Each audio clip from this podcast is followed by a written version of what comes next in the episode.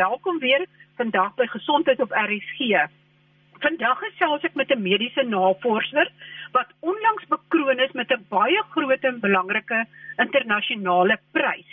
Haar naam is professor Marita Kotse.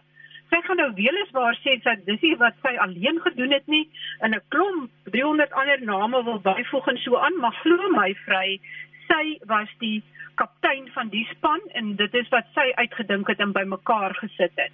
So baie welkom Marita. Baie dankie.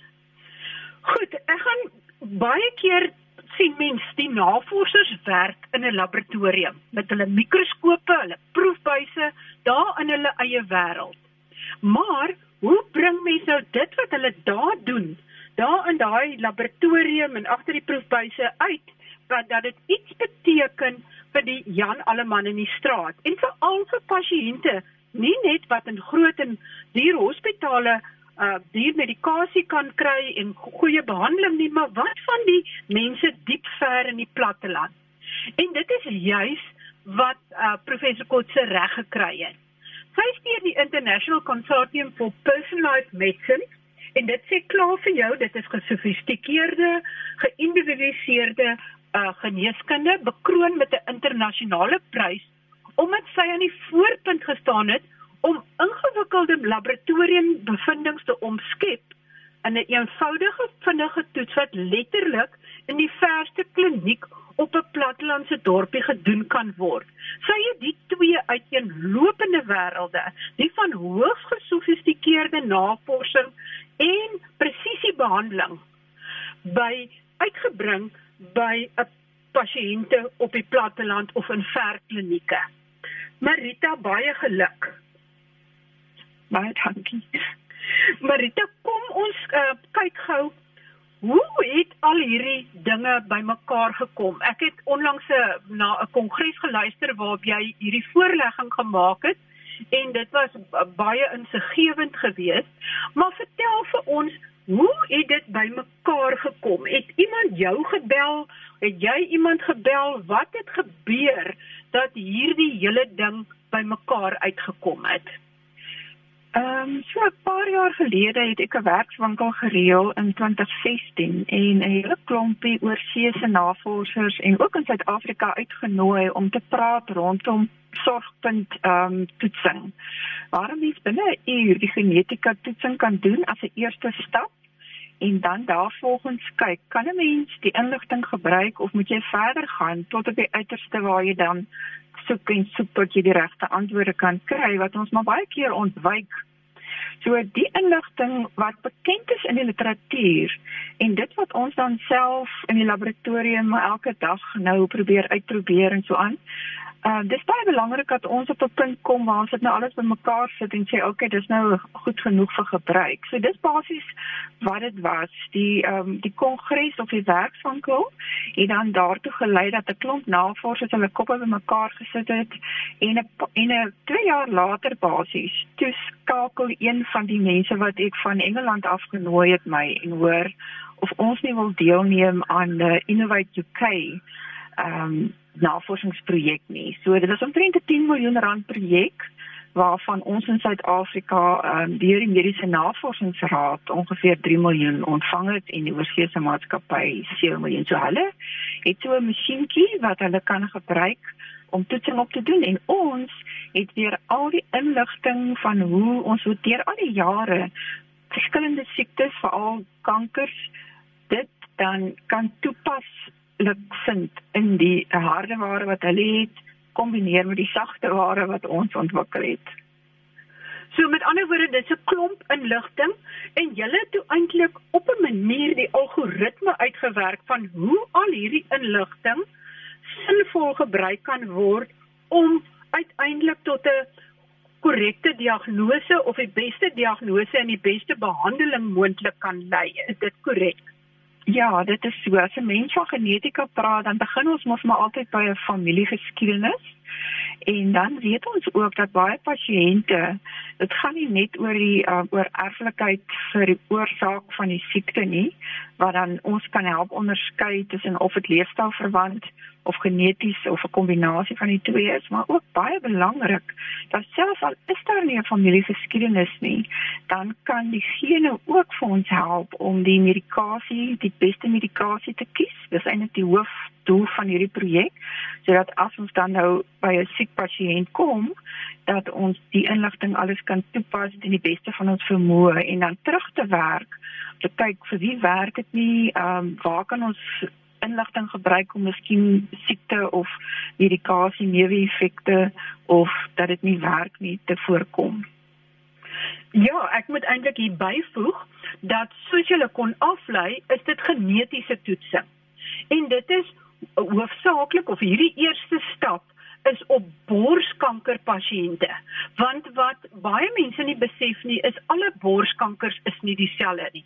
En mense kry eintlik 4, eintlik dink ek is daar 11 groepe van borskanker maar hulle het dit gekondenseer tot 4 hoofgroepe van verskillende soorte borskanker en elkeen word eintlik op sy eie manier behandel. Maar die eerste stap is Marita dan kom iemand nou by 'n uh, uh, iemand uit by 'n dokter uit nadat weet hy sy voel 'n knop in die bors en dan dan word daar nou sê maar 'n monster geneem, 'n biopsie gedoen in die die tipe soort borskanker wat die uh, tumor subtipe word geklassifiseer en dan saam met dit verstaan ek moet die pasiënt 'n vraelys invul. Wat sê daai vraelys vir julle? Hoekom is dit so belangrik? Ja, die vraelys is die beginpunt eintlik van die hele algoritme want wat die vraelys dan doen is om elke pasiënt ook verder op te deel sodat ons kan sien hoe sterk is die genetiese komponent moontlik uit die familiegeskiedenis, hoe vroeg het die siekte begin, ehm um, so aan.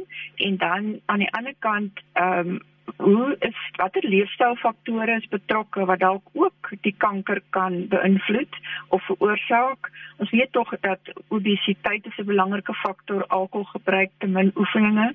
So hoe speel al hierdie komponente saam en dan aan die ander kant natuurlik die medikasie baie keer is daar ook ehm um, die rol van die medikasie wat kan neeweffekte veroorsaak en behalwe vir die fokus op die kanker moet ons ook na die geheelbeeld van die pasiënte omsien om dan seker te maak dat wanneer ons 'n volledige toets doen, so ons begin by die sorgpunt toets en éventueel kan ons uitkom by die hele genoom se ehm um, se volgorde bepaling as alles tussenin basies nie vir ons 'n antwoord gee nie want daar's baie toetse wat 'n mens kan doen vir prognose ehm um, soos ek sê vir die uh, voorspelling van watter medikasie is die beste maar daar's altyd mense wat nie daar volgens jou voorspellings werk nie en dis eintlik op hulle wat ons fokus die die mense wat nie op die standaard metodes uitgesorteer kan word nie wat ons met die sorgpunt toets wil begin en dan op die ou en kyk waar moet ons nou nog probeer om die gate toe te toe te maak. Goed, maar as jy nou begin met die toetse, sal dit dan 'n pasiënt wees wat pas gediagnoseer is of sal dit 'n pasiënt wees wat nou reeds nie goed reageer op medikasie nie? Of watter stadium begin jy met hierdie Dit is 'n baie goeie vraag want dit is juist die twee goed wat jy nou noem is die twee indikasies vir genetiese toetse. So aan die een kant is dit 'n nie gediagnoseerde pasiënt om baie vroeg op die op daardie stadium die beste behandelingspad te kies. En aan die ander kant is dit dan iemand wat miskien lankal reeds 'n siekte het, kanker het en nie goed reageer op die medikasie nie. So daar's eintlik maar net twee redes hoekom ons um, 'n um, volledige genomiese analise sal doen. Ons kry nie 'n antwoord vir die oorerflike siekte nie of ons kry nie 'n antwoord vir die rede dat die medikasie nie werk nie. En, en daar is dit dan wanneer die onderliggende genetiese faktore hierdie vier hooftipes kanker kan onderskryf en dan die pad en die en die verloop van die siekte kan beïnvloed die komorbiditeite die lewenstylfaktore so ons probeer alles bymekaar bring en nie die drie die drie aspekte wat ek nou genoem het die familiale risiko die uh, die medikasie of behandelings geassosieerde risiko's, jy weet, selfs um, jou beendigtheid of 'n bloedklonte kan beïnvloed word deur medikasie en dan die derde een is die uh, leefstylverwante risiko. So familie, leefstyl, medikasie. As ons as ons daai drie onthou, dan weet ons dat die manier waarna ons anders kyk na elke pasiënt is nie om een van hulle uit te sonder en dan alleen daarna te kyk nie. So die pasiënt kan dalk verwys word vir een van die drie, maar met ons vraelys probeer ons dan vasstel of ons nie sommer te gelykertyd die hele um, soort van spektrum kan dek nie. Ook dan natuurlik met die etiese toestemming en ingeligte toestemming van die pasiënt en dit is waar die genetiese raadgewers so belangrik inkom. Dat hulle dan ook vir die pasiënte kan verduidelik dat ons kan na al hierdie aspekte kyk. Party mense wil dalk nie alles weet op daardie stadium nie. Hulle wil net weet wat het my siekte veroorsaak? Hoekom reageer ek sleg op hierdie medikasie? watter medikasie moet ek neem? Maar as 'n um, 'n um, genetiese raadgewer die ehm um, saam met die pasiënt al hierdie aspekte deurwerk, dan is dit ook vir hulle om te verstaan en beter te verstaan dat ons wil regtig graag probeer om die hele behandeling en die genetiese toetsing persoonlik te maak. So dit is waarvoor ons eintlik die prys gekry het uh omdat ons dit persoonlike genetiese eh, persoonlike genomiese medisyne wil toepas. Hoe moeilik as 'n mens altyd moet in Engels praat want dan is dit mos nou maklik om te sê personalized genomic medicine. So ons sê in Afrikaans dan nou ehm um, die persoonlike medisyne. Want Marita, dit is die hele rigting waarin uh soos ek agterkom waar nie behandeling van siektes gaan nie net weet vir verskillende kankersoorte maar ook vir vir um ander tipe siektes. Is dit al hoe meer dat dit presies gaan vir wat die genetiese fout is of wat die uh fout is wat sodat die siekte net die behandeling net op daai presiese fout gerig kan word. Met ander woorde al hoe meer presisie al hoe meer persoonlikheid 'n persoonlike tipe geïndividualiseerde behandeling vir 'n siekte. En dan wat ek dan ook agtergekom het is dan dan kan mens al hierdie ander behandelings wat soos 'n haalgeweer skiet raak dan onnodig omdat jy dit so kan amper op 'n speld prik kan sê jy moet hierdie medikasie gebruik en dit gaan werk of dit gaan nie werk nie en as dit nie werk nie kan ons verder kyk hoekom dit werk en dit nog verder verfyn som ek dit reg op as ek so sê. Ja, ek dink 'n belangrike ding wat baie mense oor bekommerd is, is regtig nodig is vir chemoterapie. Nou vir vroeë borskanker is daar 'n verskriklike belangrike toets wat nou oor baie jare en jare opgevolg is om te sien of dit werklik effektief is en of ons nie skade doen deur mense op grond van 'n genetiese toets aan te beveel dat ehm um, chemoterapie nie nodig is vir borskanker nie. So ek dink baie dokters het ja het jy ook al hieroor gepraat en ek dink baie mense weet daarvan. Maar ek dink ehm um, dit is baie belangrik dat die pasiënte ook moet verstaan en self ook vra vir hulle dokters wat is beskikbaar. Die ehm um, weet nou met die immunoterapie ehm um, is dit ook moontlik om selfs kankers gesond te maak. Dit klink amper asof dit nie moontlik kan wees nie, maar dit is vir metastatiese kankers raak dit al hoe meer belangrik veral dat pasiënte ook hulle BRCA1 en 2 gene wat ons altyd maar net gedink het vir familierisiko getoets word. Hulle is ook nou teikens vir baie spesifieke medikasie wat PARP inhibitors genoem word en hulle teiken dan daardie spesifieke gendefek en of daai foute nou in 'n mens se oor erflike materiaal is geneties jou soos 'n bloedmonster of 'n ehm um, you know speeksel en of dit die DNA is wat in die tumor van jou liggaam ehm um, geëkstraheer word beide dit is baie belangrik as daai teikens vir die BRCA1 en 2 gene. So en meer en meer sulke gene word ontdek en um, ons maak seker dat wanneer die pasiënte navraag doen deur die dokters want dan moet altyd 'n verwysing van 'n dokter wees dan probeer ons ook maar oor elke pasiënt se situasie verder oplees en kyk wat kan ons na die tafel bring. En ons werk is so dat dit nie net gefokus is om 'n uitslag te gee vir 'n diens nie, maar ook wanneer ons nie antwoorde het nie, dan het ek hier by die universiteit en by die uh, nasionale gesondheidssentrum waar ek werk ook die geleentheid om verdere navorsing te doen. En so fantasties is dit dat 'n mens ook op ander navorsers ehm um, weet op hulle kennis kan uh, jou jou jou roep en dan vra kan julle vir ons help met hierdie situasie.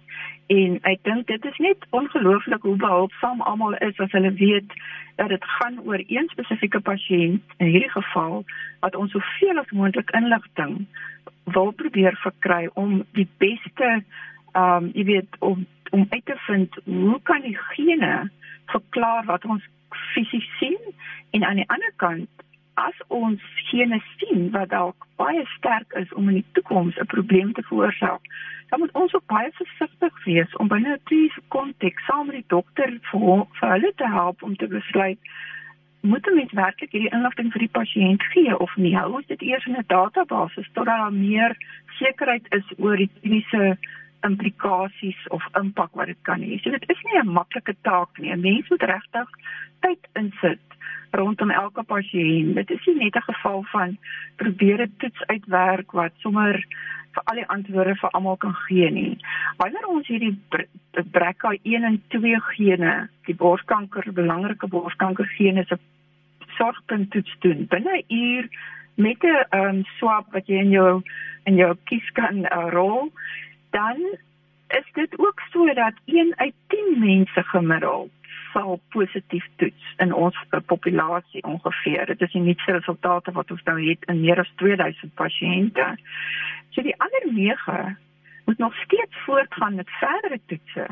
Maar as hierdie toetse saam met 'n genetiese raadgewer gedoen word en dit is wat ons nou uitprobeer, dan ehm um, kan die persoon dadelik 'n antwoord kry, jy weet, wat gaan die volgende stap wees? Marita, ek wil vra die toetse wat gedoen word in die klinieke As dit nou negatief is vir BRCA1 en 2, daai ander 9 pasiënte, as jy nou hulle genetiese materiaal uh navors en jy sien daarso is nou 'n spesifieke soort genetiese verandering.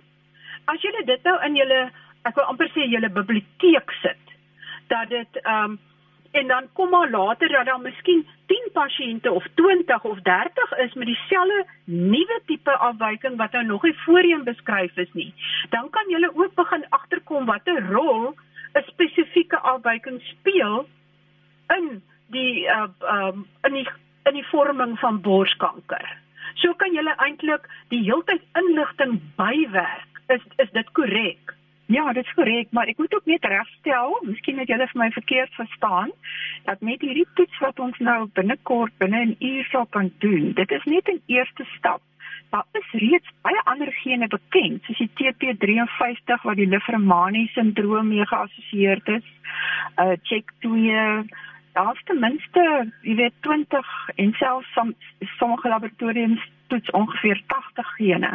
En dit kan 'n mens toets, maar dit is jou tweede stap dan um, om verder te, te sien. En die, die hele punt met die sorgpunt toets is dat dit soos jy gesê het om dit uiteindelik binne hierdie mobiele klinieke van die staat of die ehm um, jy weet ver af klinieke te kan gebruik. Die die punt is nie so seer dat jy gaan nege mense mis nie. Die punt is dat wanneer ons daardie toets kombineer met 'n genetiese raadgewing of dit nou oor die foon of oor die Zoom soos ons sommer praat of persoonlik is verkieslik die pasiënt gaan dadelik die regte inligting kry van wat is die volgende stap wat ons vir jou moet neem indien dit nodig is. En wat ons nou uitgevind het, is selfs die 1 uit 10.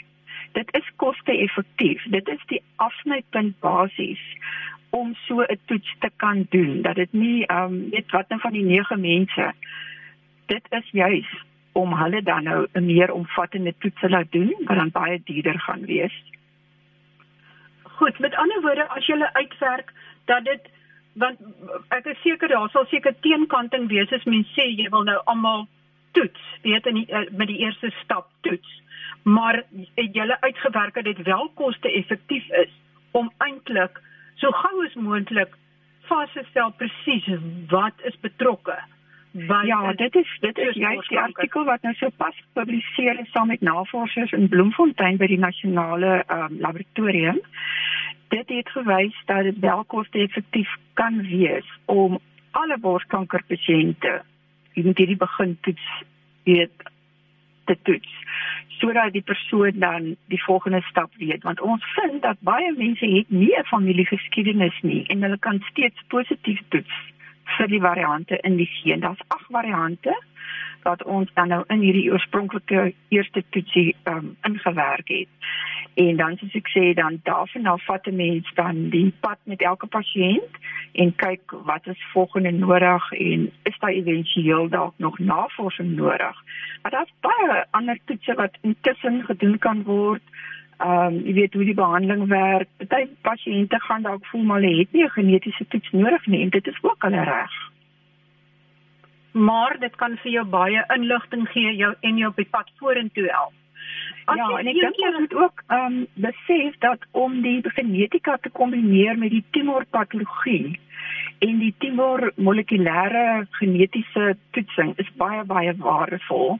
Want byvoorbeeld as iemand 'n hormoonpositiewe tipe kanker het, dis nou een van die vier wat jy genoem het, ehm uh, dan dis ons kry luminal A, luminal B, HER2 positiewe en die basale tipe wat eintlik wat ons noem die triple negatiefes is. So as dit die hormoon positief is, is wat 'n A of B kan wees. En die persoon het 'n BRCA mutasie, 'n BRCA2 mutasie spesifiek.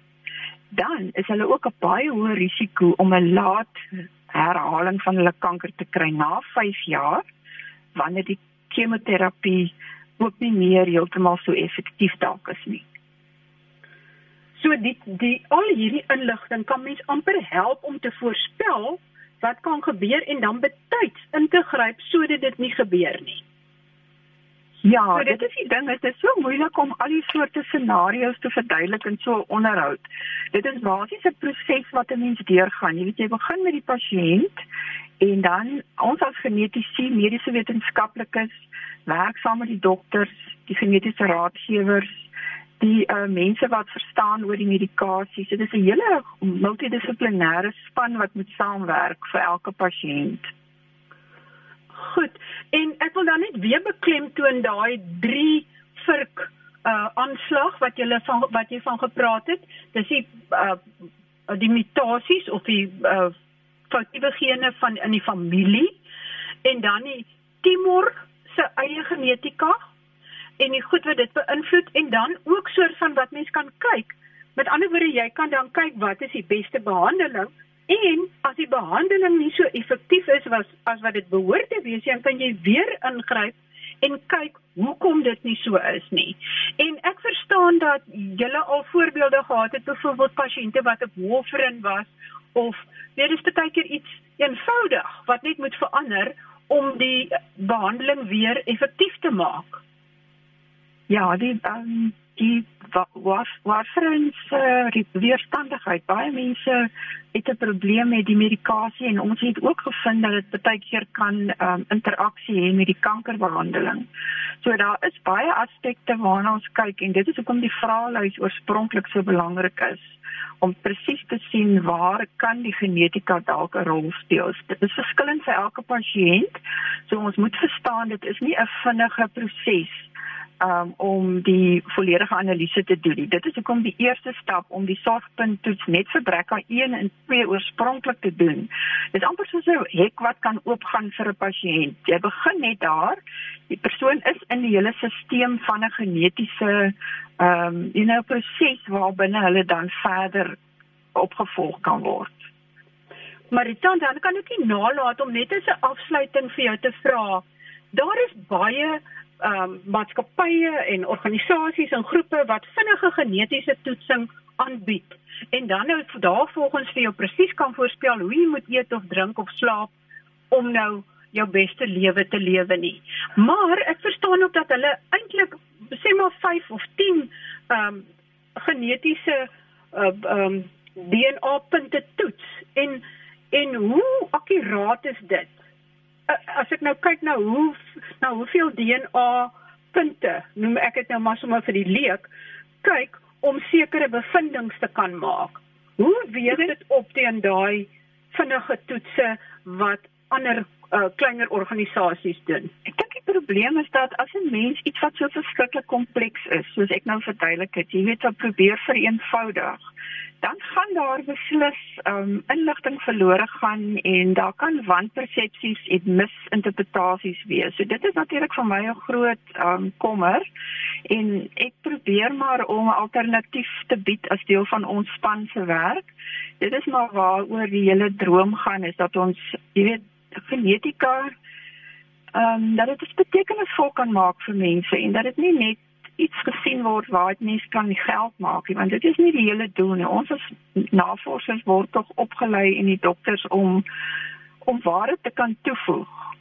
En ek sien nie dat die mense wat probeer om die eenvoudige toetse aan te bied nie ook dieselfde ehm um, net sorgsaamheid wil probeer aan die aan die aan die dag lê nie, maar ons moet baie versigtig wees en veral die publiek en die selfs die dokters wat toetse gebruik, jy weet maak seker van wat is die ehm um, die die uh die bewyse en die persoon wat dit toetse aanbied het hulle self ook navorsing gedoen en hulle eie inligting bymekaar gesit. Want ek moet net die verskil kan verduidelik. As ons na BRCA toets kyk, dit is 'n dit is 'n baie sterk genetiese effek. Maar jy kan nog steeds 20% van mense kry wat die mutasies kan hê maar nie die siekte gaan kry nie. Aan die ander kant, as ons na die lae penetrasie gene kyk waar die leefstyl moet bykom of ander faktore voordat die geen eintlik enige effek het, dan gaan die geen se effek miskien minder as 20% wees. 80% is die omgewing. En as ons nou nie lae penetrasie gene werk, dan sal 100 duisende variante wat elkeen van ons in ons liggaam kan hê. So daar is so 'n groot kans dat 'n sterker geen dit kan oorheers sodat die inligting wat ons gee net gegrond op hierdie variante eintlik niks seggend is.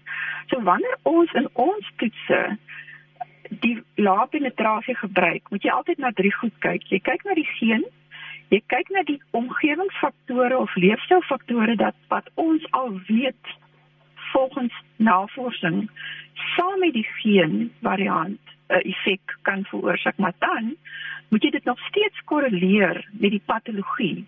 So as dit 'n variant is wat in cholesterol metabolisme betrokke is of in te lae yster of te veel yster, dis baie gevaarlik om enige aanbevelings te maak as 'n mens nie weet of die patologie geaffekteer is nie. So ons gewone biochemiese toetse cholesterol, ystervlakke en so aan. Dit moet ook gedoen word of jy moet baie sterk vir die persoon sê dit dit is dis aangedui dat jy waarskynlik hierdie toetse moet doen voordat jy kan enige stappe neem gegrond op hierdie uitslae. Baie baie dankie uh, professor Marita Kotse nogmaals baie geluk sy is sy het so baie hoede op, maar sy is eh, van die nasionale ehm um, gesondheidslaboratorium dienste in die land en ook baie nou betrokke by die Universiteit van Stellenbosch en die Suid-Afrikaanse Mediese Navorsingsraad. Skakel gerus volgende week weer in. Ek gesels met 'n kinderlongspesialis oor sistiese fibrose. Tot volgende week dan. Groete van my, Marie Hudson.